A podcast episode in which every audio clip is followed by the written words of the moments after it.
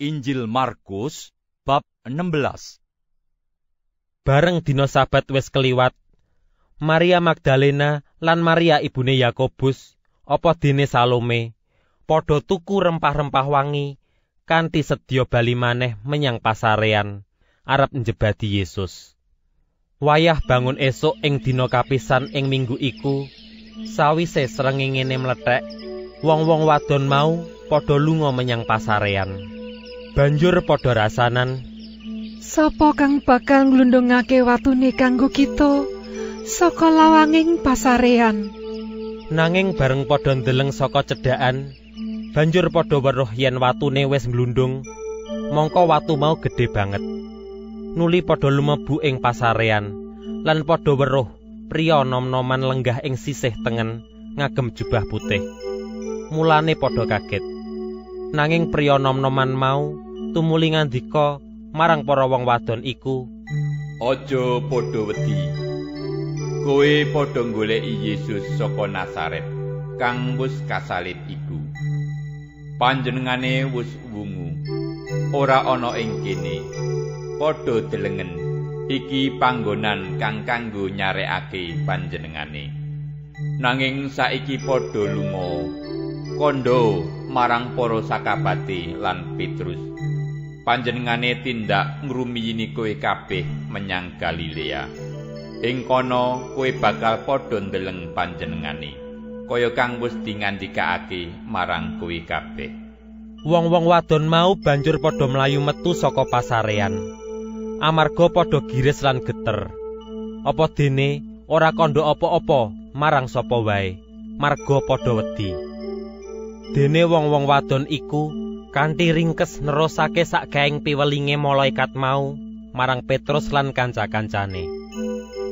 Sawuse iku Yesus piyambak lumantar para sakabat martakake saka wetan nganti tekan kulon pawarta kang suci lan kang ora bakal kena kasirnakake bab pawartaning karahayon kang langgeng bareng Yesus wis wungu nalikane isih esuk umun-umun ing dina kapisan ing minggu iku kang dhisik dhewe panjenengane ngatingal marang Maria Magdalena. Kang saka wong iku panjenengane wis nundung setan pitu. Wong wadon mau nuli lunga wewarta bab iku marang wong kabeh kang biyen padha nderekake panjenengane. Lan kang ing wektu samono lagi padha susah lan nangis.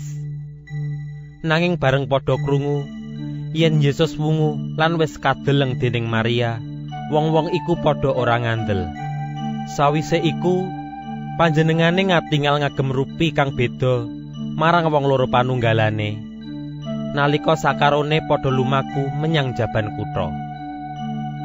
Wong loro mau banjur bali padha wewarta bab iku marang murid-murid liyane. Nanging iya padha ora ngandel. Pungkasane panjenengane ngatingal marang sakabat sawelas nalika lagi padha mangan. Sarta banjur netah marang wong sawelas iku bab cupeting pangandel lan wangkoting atine. Dene padha ora ngandel marang wong-wong kang wis padha ndeleng panjenengane sakwise wungu. Panjenengane banjur ngandika marang para sakabat sawelas mau, Padha lunga menyang saindenging jagat. Padha martakno Injil marang saking tumitah. Sapa kang pracaya lan kabaptis bakal kaslametake. Balik kang ora pracaya bakal kaukum. Pratandha-pratandha iki bakal mbarengi para wong kang pracaya. Wong-wong pracaya iku bakal padha nundungi setan sarana jenengku. Bakal padha guneman nganggo basa-basa anyar. Bakal padha nyekel ula lan senadyan ngombe racun kang mateni, ora bakal cilaka. Bakal padha numpangi tangan marang para kang lara. lan iku bakal padha waras. Sawise Gusti Yesus ngandika kang mangkono marang para sakabat, panjenengane banjur kasengkakake menyang swarga lan lenggah ing saktengene Allah. Dene para sakabate iku banjur padha lunga memulang ing endi-endi sarta Gusti nyarengi makarya. Apa dene ngekahake piwulange sarana pratandha-pratandha.